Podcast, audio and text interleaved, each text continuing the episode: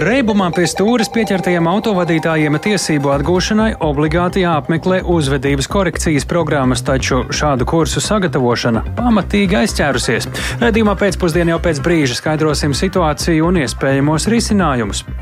Ugunsgrēks nopostījis 18. gadsimtā celto vēsturisko smiltenes mācītāju mūža sēku. Redz, kā ir tagad, es tik redzu, ka vidus izdedzis ir. Viņš sākās no tā gala, no smiltenes puses jumts tieši degt. Cik nozīmīga novadam ir šī būve un kādi ir iespējamie ugunsgrēka iemesli, skaidrosim reportāžā no Smiltenes. Bet ārkārtas situācija izsludinās vairākās Latvijas pašvaldībās, lai aizsargātu mežus no plašiem bīstamām izgrauža postījumiem. Par to visu jau pavisam drīz ziņu raidījumā pēcpusdienā kopā ar mani Tāli Eipuru.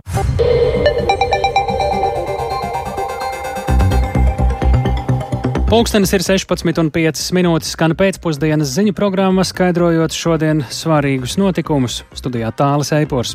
Pēc vairāk nekā stundu garām un asām diskusijām valdībā šodien tika atbalstīti veselības ministrijas sagatavotie likuma grozījumi, nolūkā samazināt alkohola patēriņu. Alkohola ražotāji un tirgotāji, reklāmas, azartspēļu un arī plašsaziņas līdzekļu nozara pārstāvji pret pašu mērķi neiebilda, tomēr apšaubīja grozījumu efektu. Daži ministri savukārt kritizēja plānoto likuma izmaiņu zemo kvalitāti.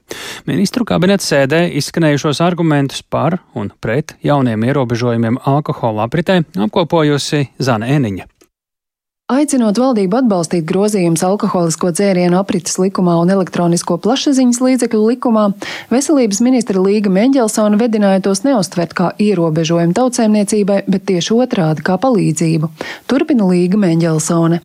Lai tās slimības lapas, kas ir saistītas ar paģirām, tās slimības lapas, kas ir saistītas ar darba nespēju, jo ir alkoholisms, tās aploksņa algas, kas saistītas ar uzturlīdzekļiem, tāpēc, ka tēvs dzer darbā viņu vainu tikai par aploksņa algu, līdz ar to viņš nevar maksāt uzturlīdzekļus akūto nepieciešamību pieņemt grozījumus, kas palīdzētu mazināt dzeršanas postu, izcēla arī veselības ministrijas galvenā speciāliste narkoloģijā, Rīgas psihiatrijas un narkoloģijas centra ārste Astrīda Stirna. Mums katru gadu, it sevišķi pagājušā gadā, ir ļoti pieaudzis gan alkohola psihožu, gan smagu alkohola abstinenču skaits. Ir palielinājies šo pacientu skaits, kas nokļūst pie mums ar neatliekamo palīdzību. Repliku veselības ministrē veltīja aizsardzības ministra Ināra Mūrniec no Nacionālās apvienības. Es, Meņelsons kundze, jūs apsveicu par drosmi, jo tas lobbyis, kas jums stāsies pretī, un ne tikai jums, visiem šiem alkohola pretpasākumiem ir diezgan liels un ar lielu svaru.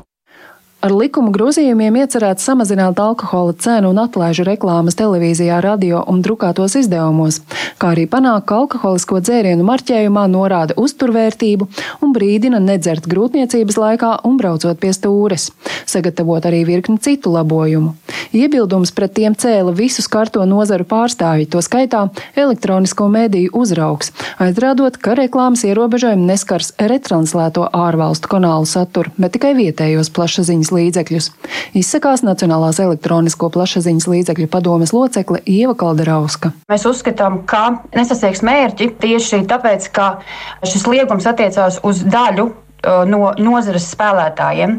Bet šī daļa ir ārkārtīgi nozīmīga. Tie ir vietējie mēdīji, kas, kā jau kolēģi minēja, ir atkarīgi un ļoti atkarīgi no reklāmas ieņēmumiem. Un katrs eiro ietekmē mūsu mēdījos kvalitatīva satura veidošanu. Uzklausījusi daudzos aizrādījumus par divus gadus tapušo grozījumu nepilnībām, asi izteicās ekonomikas ministra Ilze Indriksona no Nacionālās apvienības. Viss, ko mēs pieņemam, ir jēgpilns tad, ja kāds to spēj kontrolēt, īstenot, un pēc tam ir rezultāts. Man, diemžēl, ir tāds eh, varbūt divu gadu citu darītā darba tāds rūkums, un eh, es neredzu, ka šie pasākumi būtu efektīvi un jēgpilni. Diskusijas ievilkās, un premjerministrs Krišjāns Kariņš no jaunās vienotības aizrādīja, ka valdības uzdevums nav lemt par saturiskiem labojumiem, bet gan konceptuāli vai nu atbalstīt grozījumu tālāk virzību vai nē. Galu galā valdība atbalstīja likuma izmaiņas, un, lai tās stātos spēkā, saimai tās jāatbalsta trīs lasījumos. Zana Eniņa, Latvijas radio. Alkohola radītas ļoti nopietnas problēmas tālu nav jāmeklē. Turpinām par dzērāju šoferiem. Vai alkohola vai narkotisko vielu reibumā pie stūres pieķertajiem autovadītājiem tiesību atgūšanai obligāti jāapmeklē uzvedības korekcijas programmas. Šādu pienākumu iestrādāt ceļu satiksmes likumā pērn atbalstīja valdība, tomēr korekcijas kursu sagatavošana un plānošana ir pamatīgi iestrēgusi, un satiksmes ministrija to jau rosina no likuma izslēgt. Par to vairāk Jāņa Kīņša sagatavotajā ierakstā. Valdības pērn maijā atbalstītie likuma grozījumi paredz tiesību atņemšanu pie stūras reibumā pieķertajiem un dokumentu atgūšanu pēc uzvedības korekcijas kursu apmeklējuma.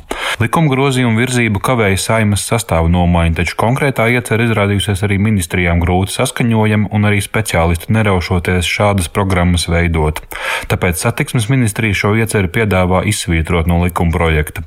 To saimas tautsēmniecības komisijas sēdē pamatoja satiksmes ministrijas pārstāve Anna Janova. Novikova. Mūsu ieskatā ar tiem grozījumiem krimināla likumā un ceļu satiksmes likumā, kuri stājās spēkā pagājušā gada nogalē, proti ieviesta latiņa ar 1,5 promiļu barjeru, kad um, tiek jau piemērota krimināla atbildība un papildus tam ir transporta līdzekļu konfiskācija, dod daudz lielāku ietekmi uz uh, ceļu satiksmes dalībnieku uzvedību nekā, teiksim, šāds korekcijas grupu. Šim redzējumam iebilst Tieslietu ministrija. Auto atņemšana un krimināla atbildība attiecas uz nelielu daļu pieķerto pārkāpēju, tiem, kuriem fiksēts reibums virs pusotras promilas.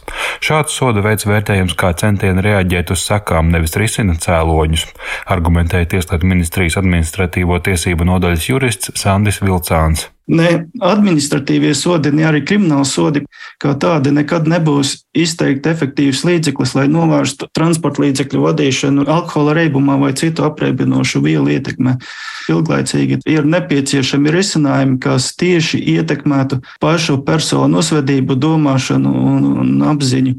Un uzvedības korekcijas programmas ir viens no šādiem līdzekļiem.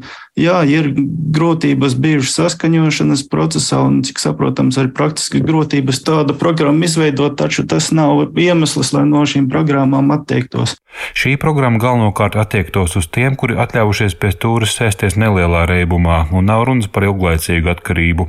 Sagatavot un sākt šādu korekcijas programmu visā Latvijā būtu nepieciešams, taču ļoti sarežģīts uzdevums. Tā to vērtē satiksmes psiholoģija Zinaīda Brauna, kura ikdienā strādā ar tiem, kuriem braukšanas apliecība tiesību atņemt agresīvas braukšanas vai liela reibuma dēļ. Viens moments tas, ka cilvēks reibumā vispārīgi pieļauj domu, ka viņš var piesaisties pie stūres, Un otrs ir tas kritiskais, tas skaidrojums, kāpēc viņi ir piesēdušies. Ka tas ir bijis tepat aiz stūra, līdz pieturai, līdz veikalam, līdz mājām. Nu, tie ir divi kilometri, jā, bet ir izvēle izdarīta. Jā. Tāpēc pilnīgi noteikti ir vajadzīgs, bet es nevaru iedomāties, kādā kombinācijā tur ir jāsanāk vairākiem speciālistiem, kas kā, to bildi saliek kopā. Saimnes komisijas deputāti vienojās jautājumus par reibumā pieķerto autovadītāju korekcijas programmu lūgt vispirms izdiskutēt satiksmes drošības padomas domnīcā, pieaicinot arī narkologus. Jānis Kincis, Latvijas radio. Ķīnas prezidents Xi Jinpings šodien turpina vizīti Krievijā. Pēc apusēju laipnību paušanas Krievijas un Ķīnas prezidentu starpā un neformālām sarunām vakar, šodien notiek Pekinas un Maskavas delegāciju sarunas, kā arī abu līderu oficiālā tikšanās un dažādu līgumu parakstīšana. Vēršos um, pie kolēģa Riharda Plūmes. Sveiks, Rihard! Kāda ir jaunākā informācija par šī vizīti Krievijā? Jā, labdien! No nu, šī diena Ķīnas prezidentam Sīzīmpinam eh, sākās ar eh, Krievijas premjera Mihaila Mišustina eh, satikšanu, un te domājams abi apsprieduši jautājumus, kas saistīti vairāk ar ekonomiku un tirzniecību, un par to liecina arī premjera šorīt teiktais. Abu pirms, tā teikt, slēgtās tikšanās daļas, un paklausīsimies, ko viņš teica. Планируется принятие целого ряда важных решений по развитию Российско-китайского сотрудничества. Ir plānots pieņemt vairākus svarīgus lēmumus par Krievijas un Ķīnas sadarbības attīstību vidējā termiņā līdz 2030. gadam. Krievijā mēs esam patiesi ieinteresēti tālākā visaptverošās partnerības un strateģiskās sadarbības stiprināšanā ar Ķīnu. Būtiski, ka neskatoties uz nelabvēlīgo ārējo situāciju, satricinājumiem globālajos tirgos un pieaugošajām rietumu kolektīvajām sankcijām, Krievijas un Ķīnas tirzniecības un un ekonomiskā sadarbība attīstās veiksmīgi. nozīmīgi. Pagājušajā gadā tirzniecība pieauga gandrīz par trešdaļu un tuvojās 190 miljārdiem dolāru. Esmu pārliecināts, ka jau šogad izpildīsim jūsu un Krievijas prezidenta Vladimira Putina izvirzīto uzdevumu palielināt savstarpējo tirzniecības apgrozījumu līdz 200 miljārdiem dolāru. Взаимный товарооборот до 200 миллиардов долларов. Šodien norisinājušās arī garas Maskavas un Pekinas delegāciju sarunas, bet nedaudz vairāk nekā pirms stundas sākās arī Sīja un Putina tikšanās. Pēc tās ir paredzēts izplatīt paziņojumu presei. Abu prezidentu satikšanās Kremlī jāsaka, ka bija visai krāšņa ar fanfarām, gājienu pa garu, jo garu sarkano paklāju katrs no līderiem gāja no savas puses skanēja arī valstu himnas un notika sarūko, sarūkošanās pie milzīgiem karogiem zāles vidū. Sija un Putina šīs dienas sarunas ir formālas, atšķirībā no vakardienas neformālās tikšanās, un, kā ir norādījis Kremlis, tad abu līderu vakardienas sarunā notikusi ļoti pamatīga viedokļu apmaiņa, kas ilgusi vairāk nekā četras stundas, un tās laikā runāts arī par Ķīnas piedāvāto 12 punktu miera plānu, kas ir kā no noslēpums ticis kritizēts Āsas rietumos un Ukrainā, jau būtībā ir izdevīgs Krievijai. Arī šodienas tikšanās laikā abi līderi apspriedīšo Ķīnas izvirzītos priekšlikumus kara izbeigšanai Ukrainā. To ir norādījis Kremlis un sarunas visticamāk pēc Kremļa teiktā beigšoties ar Sī un Putina parakstiem uz virkni vienošanos.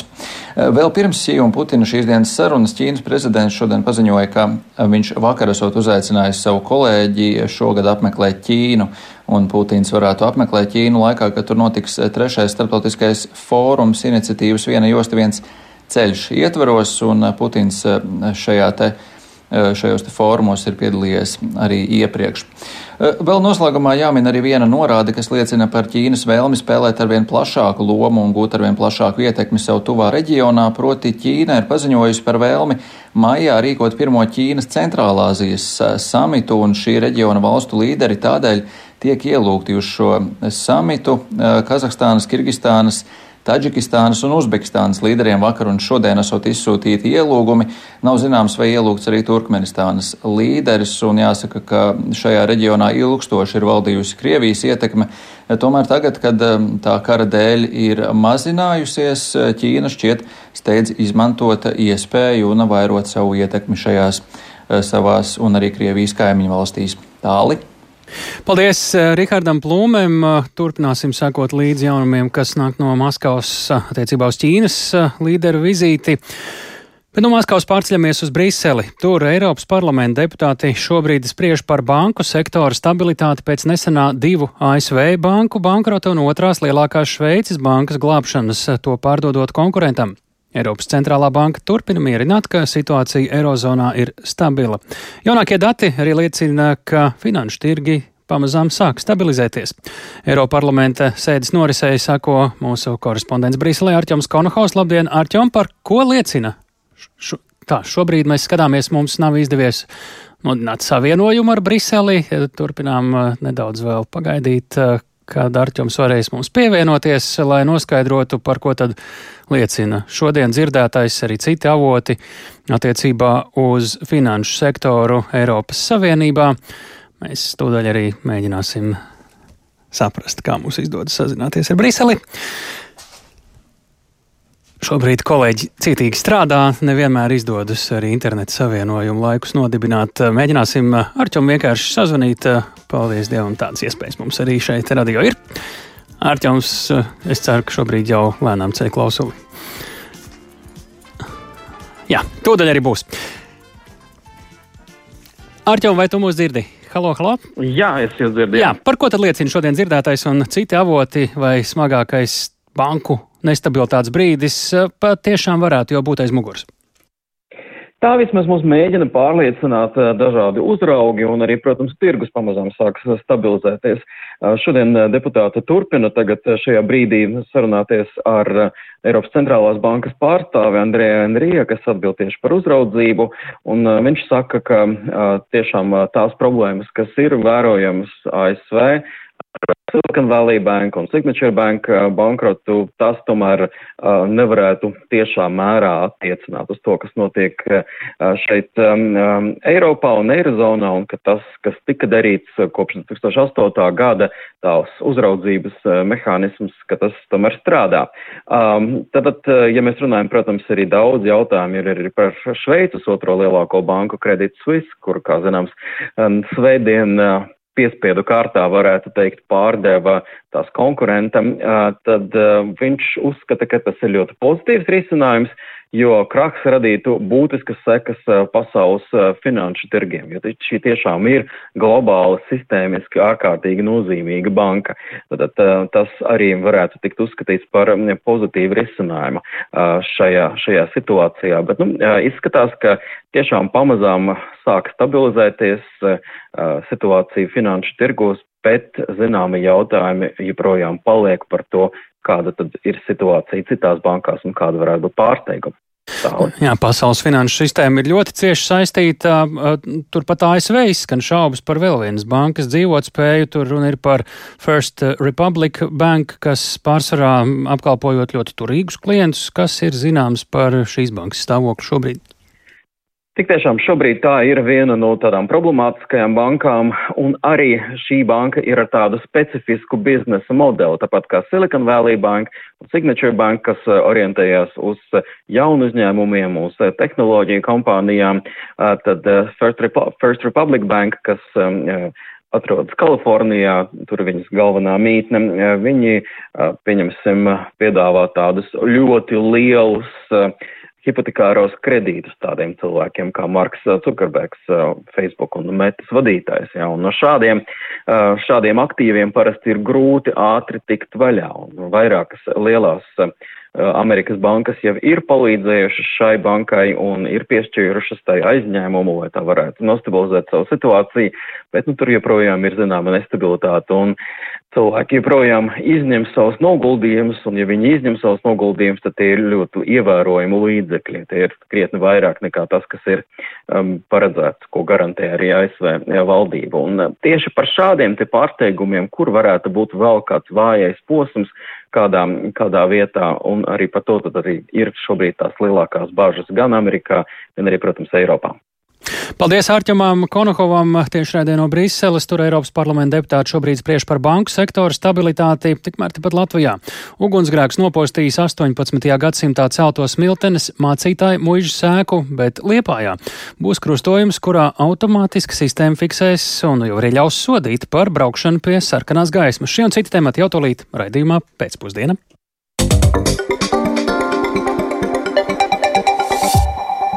Ārkārtas situāciju izsludinās vairākās Latvijas pašvaldībās, lai aizsargātu mežaudzes no mizgrauža postījumiem. Pagājušajā gadā novērota ļoti augsta mizgraužu lidošanas aktivitāte, tāpēc šogad prognozējama lielāka mizgraužu savairošanās. Tas var nozīmēt masveida egļu mežauģu bojāēju vidzemes reģionā un arī lielāku apdraudējumu kurzemē, zemgalē un latgalē. Par to, kurās teritorijās noteiks ārkārtas situācija un kādi ierobežojumi paredzēti, Plašāk Agnijas Lazdiņas ierakstā. Egļu astoņzobuma izgrauzis ir aptuveni 5 mm liela vabola, kas barojas zem koksnes mizas, un tai patīk sauss, silts un bezvēja laiks. Lai gan šķietami tā izklausās pēc mazas un nekaitīgas vabolas, tomēr tas ir agresīvākais un bīstamākais kaitēklis visā Eiropā, jo spēj invadēt ne tikai novājinātas eglis, bet arī jaunas un veselas. Pagājušajā gadā Latvijā novērota ļoti augsta izgrauža lidošanas aktivitāte. Tā liecina Latvijas valsts meža zinātnes institūta Silova dati. Līdz ar to šogad bet prognozē, ka izgraužu savairošanās pieaugs. Tas var nozīmēt masveida vērtīgo egļu mežaudžu bojājēju vidzemes reģionā un lielāku apdraudējumu arī kurzemē, zemgalē un latgalē. Lai no tā izvairītos, vairākās pagastu teritorijās izsludinās ārkārtas situāciju visa gada garumā. Turpina zemkopības ministrijas meža departamenta direktors Arvīts Ozols. Identificēt šīs vērtīgās egļu audzes tiek noteikts ciršanas aprobežojumi 100 metru zonā šo vērtīgo egļu audzi un 500 metru zonā necirst egli. Kāpēc? Tāpēc, ka tā, kad cērt eglu priedi skuju kokus, mēs visi zinām smaržo pēc sveķiem. Šī sveķa smarža izgrauzim ir kā labs aromāts, tur ir restorāns, kur ir jālido, kur varēs ēst. Latvijas valsts mežzinātnes institūta Silova vadošais pētnieks Agnis Šmits uzsver, ka bojātu egļu audzi izglābt vairs nav iespējams, tāpēc egļu aizsardzība sākas ar to vērtīgo egļu augu aizsargāšanu, kur mīzgrauzis vēl nav nonācis. Ir trīs galvenās aktivitātes. Viens ir neļaut cirst tur, kur nevajag cirst, lai gan likumiski var, bet tā kā citā mēģinās aizliegt cirst, kur teorētiski var, bet nevajag. Otrs ir sekmēt bojātu audžu ciršanu, kuras turēšana nav mērķiecīga, kura ir jānosāk, lai nevairotu izgrauzu un, un sekmētu audžu aizsardzību. Un trešais - rast līdzekļus, lai varētu izmantot maksimāli fermons glāzes arī visos mežos, arī privāto īpašnieku mežos. Ārkārtas situācija cilvēkiem, kas nav meža īpašnieki, nenozīmēs neko. Savukārt meža īpašniekiem nāksies rēķināties ar konkrētajiem meža ciršanas aprobežojumiem. Kā stāsta Latvijas valsts meža pārstāvis Edijs Leišalnieks, darbi pie izgraužu ierobežošanas jau pamazām tiek uzsākti. Šobrīd ir aktīvais laiks, kad mēs mežā varam redzēt pagājušā gada izgraužu otrās paaudzes bojājumus, tātad kalstošās egles. Kā rezultātā nu, plānojam šobrīd sakopšanas, jeb ierobežošanas pasākumus, veidojot sanitārās cirtas un šos te bojātos kokus nozāģējot un izvedot. Jautājumu par ārkārtējās situācijas izsludināšanu ministru kabinets izskatīs un pieņems nākamajā nedēļā. Agnija Lazdiņa, Latvijas radio. Raidījumu pēcpusdienu turpinām par vēl vienu ārkārtas situāciju. Ugunsgrēks nopoti, nopostījis 18. gadsimtā celtos Miltenes mācītāju mūžu sēku. Cilvēki nav cietuši, bet vēsturiskajam namam ir izdedzis jumts un otrais stāvs. Cik nozīmīga Smiltenes novadam ir šī ēka un kādi ir iespējamie ugunsgrēka iemesli un kas notiks tālāk no Smiltenes Guntas Matisonas reportāža. Redz, kā ir tagad, es tik redzu, ka vidus izdedzis ir. Viņš sākās no tā gala, no smiltenes puses jumts tieši degt. Blakus ugunsgrēkā cietušajai mācītāji mūžai kaimiņu māju dārzā sastaptā Elza Briedis stāsta, ka liesmas ļoti ātri pārņēmušas ēkas jumtu. Tas liesmas nāca tik šausmīgi augstu, ir skumīgi. Nu, nelaime nenāk prātam, vai ne? Ierodoties valsts ugunsdzēsības glābšanas dienesta ugunsdzēsējiem glābējiem notikuma vietā, tika konstatēts, ka deg divu stāvu mājas jumts, un otrais stāvs ir atklāta liesma pilnā platībā 450 km2. Dzēst ugunsgrēkā ieradās ugunsdzēsēja ekipāžas no Smiltenes, Valmijas, Jaunpiebalgs un Valks. Un turpina Smiltenes posteņa komandieru pienākumu izpildītājs Aleksandrs Jefīmovs. Mēs varam noteikt tikai iespējamu ugunsgrēku iemeslu pēc uh, mūsu saņemtās informācijas, ir, ka piededzes ēdiens bija notikuma vietā. Uz plīts piededzes ēdiens, un tālāk jau iespējams izplatījusies ir uz uh, gāzes aizdegšanās notikusi, un tad arī strauja uguns izplatība jau tālāk. Mācītāji mūža ir Smiltenes evaņģēlis luteriskās draudzes īpašums, un tā bija it kā neapdzīvota. Kaimiņiene Elza Brieda gan stāsta, ka gluži pamesta tā nesot bijusi. Tur jau dzīvo puisis. Nu, tur ir ārsts jau braukāju vakar te. Viņš kā pārvaldnieks bija. Pie ugunsgrēkā cietušās mācītāja mūža sastopa kādu gados jaunu cilvēku. Izrādās, tas arī ir kaimiņu mājās pieminētais pārvaldnieks Renārs. Uzvārdu gan puisis nevēlas minēt. Un šeit neapdzīvota ēka, es pieskatu šeit, lai neizdemolē, neizvanda apkopu apkārtni. Renārs stāsta, ka vakar pēcpusdienā šeit bijis, lai baznīcai zāģētu un skaldītu malku. Un es biju teikt, iekurinājusi to plīti, lai apsildītos pēc tam, kad to malku beidz skaldīt, zāģēt.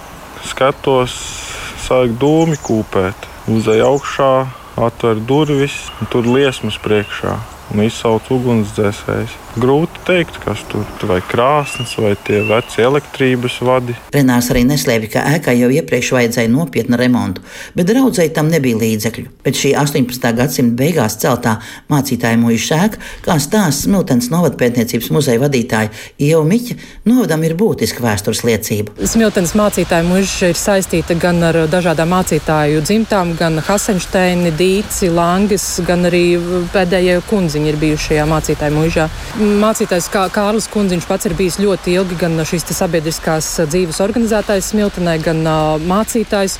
Viņa abi dēli ir bijuši gan arhitekti, gan uh, viens no viņiem ir bijis uh, brīvdabas muzeja dibinātājs.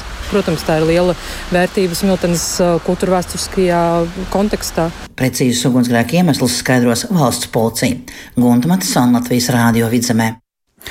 Runājot par mācītāju mūžu smiltenē, turpmāko likteni, tad tev visticamāk būs jāmeklē jauni saimnieki, jo draudzē līdzekļu tik apjomīgam remontam, kāds tagad pēc ugunsgrēka nepieciešams, nav.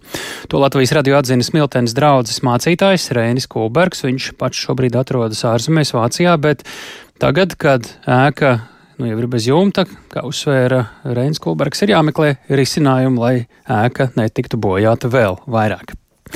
Atjaunot vajadzēs ne tikai mācītāju mūžu smiltenē, pamatīgu atjaunošanu gaida arī galvaspilsētas ielu segums. Rīgā trešā daļa ielu ir sliktā tehniskā stāvoklī. Lai atjaunotu asfalta segumu, pašvaldība šogad grasās atvēlēt līdz pat 22,5 miljoniem eiro. Tas ir vismaz divas reizes vairāk nekā pērn. Tāpat būtiski pieaugs arī padarīto darbu apjoms. Kopumā pašvaldība šogad sola atjaunot 400 tūkstošu kvadrātmetru ielu kas iedzīvotājiem jāņem vērā un kā vērtējami galvaspilsētas plāni, klausāmies Viktora Demīdova ierakstā.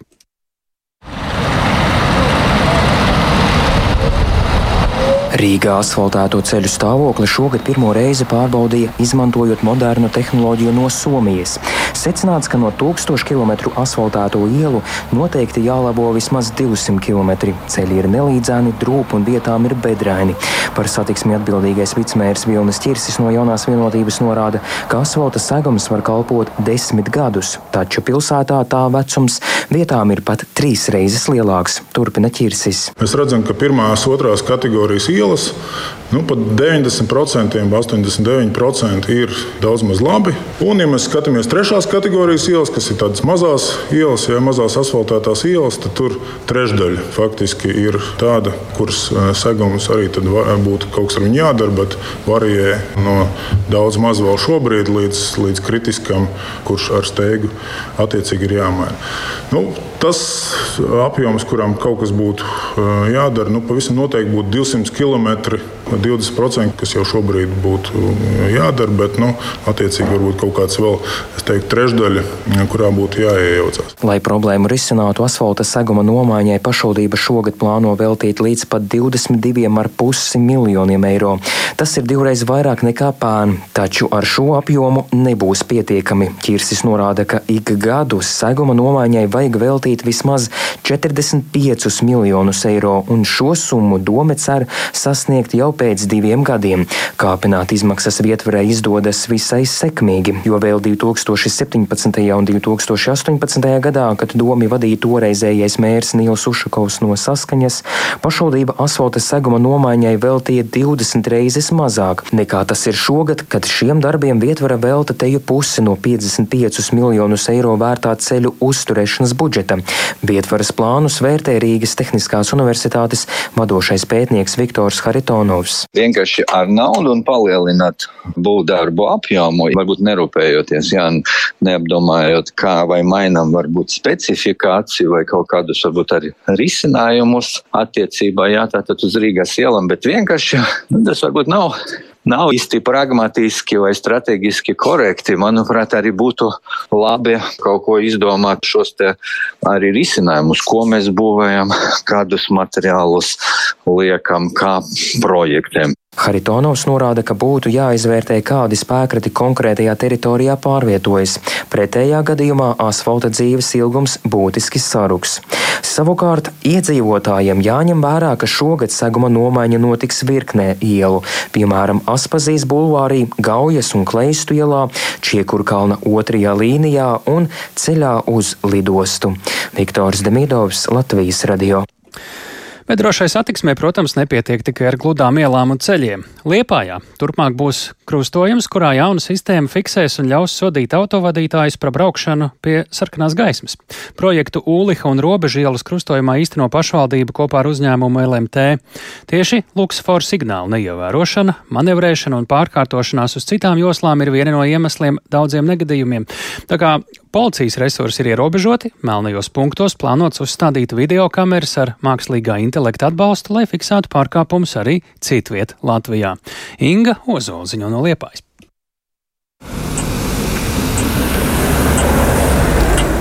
Krustamā video kamera testa režīmā darbojas jau četrus gadus. Tagad tā sāks darīt savu darbu un fiksēs pārkāpumus pie luksafora. Krustojums šķietami ne ar ko neatšķiras no citiem, tomēr negadījumā atkārtojās. Stāsta valsts policijas kurzemes reģiona pārvaldes kārtības policijas biroja priekšnieks Gins Ešenvalds. Daudz autovadītāji izdara pārkāpumus, tad neievēro luksafora signālus un rezultātā nu, arī šajā krustojumā vairākus gadus atpakaļ, ja mēs atceramies, ir notika diezgan smags ceļu satiksmes negadījums. Tad, kad uzlika jau šo testēšanas variantu, no visām pusēm ir uzstādīts arī zīmes, kad notiek video novērošana, tad, protams, kad samazinās. Un šajā krustojumā vairs tāda izteikta ceļu satiksmes negadījuma nav. Aptaujātie autovadītāji, protams, labi zina bēdīgi slaveno krustojumu, taču negadījumos cietušas ne tikai automašīnas vadītāji, bet arī dzīvojamās mājas. Galvenais, lai tiekot ievērota datu aizsardzība, citādi iebildumi nesot, saka autovadītāji. Nu, lai gala tur ir vienmēr bijuši negadījumi, liekas, ka kāds izskrien kaut ko nepiefiksē un tā tālāk, un varbūt tagad tas mazinās. Sākumā varbūt tam tas neko nedos, sākumā tikai sodu kvītis saņemts, un beig beigās varbūt tas būs kāds uzlabojums visam. Viss jaunais nāk ar labo atbalstu. Parasti cenšos ievērot. Video kamerā pie krustojuma luksafora fiksētie gadījumi nonāk CSDD datu bāzē, pēc tam pašvaldības policijā, kas tad arī lems par sodu piemērošanu, skaidro Liepājas pašvaldības policijas priekšnieka vietnieks Ainars Lūsis. Tā programma ir sagatavota tā, lai viņi maksimāli fiksētu un palīdzētu šī lēmuma pieņemšanā. Iespējams, to mēs arī tagad nevaram pateikt. Var saskatīt kādu kļūdu, ja būs kādas sūdzības, ka sots ir piemērots pretiesiski, tad mēs pielabosim, pamainīsim kaut ko.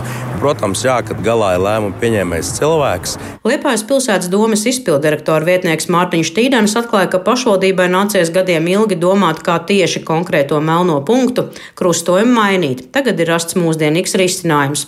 Par pārkāpumu piemēros sodu 30 eiro apmērā, līdzīgi kā pārkāpjot ātrumu un ko fiksē radars. Un pašvaldības izmaksas apmēram 5 eiro par vienu gadījumu CSDD maksas cenrādī noteiktie izdevumi ir arī jāmaksā par pakalpojumu sniegšanu. Varu teikt, ka tas ir cenu aptaujas līmenis.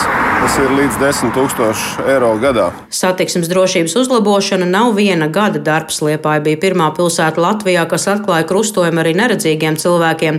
Tagad seko arī viedās tehnoloģijas, kas fiksē pārkāpumus. Pilsētā satiksmes negadījumu skaits sarucis par 20%, uzsver Liepājas domas priekšsēdētājs Gunārs Ansiņš. Kas, manuprāt, ir labs rādītājs, jo vidēji uz tūkstošu iedzīvotājiem ceļu satiksmes negadījumu valstī vidēji 10,4, tad Liepājas gadījumā tie ir 6,1. Un tas ir, manuprāt, pateicoties tam, ka mēs katru gadu investējam gan gājēju pārējās, apgaismojam maksimāli tieši luksusforus, tās vietas, kuras ir nedrošas gājējiem. Šādas video kameras un viedās sistēmas plānots uzstādīt arī citos Latvijas melnajos punktos. Nepieciešamības gadījumā tās ir viegli demontēt un uzstādīt citā vietā.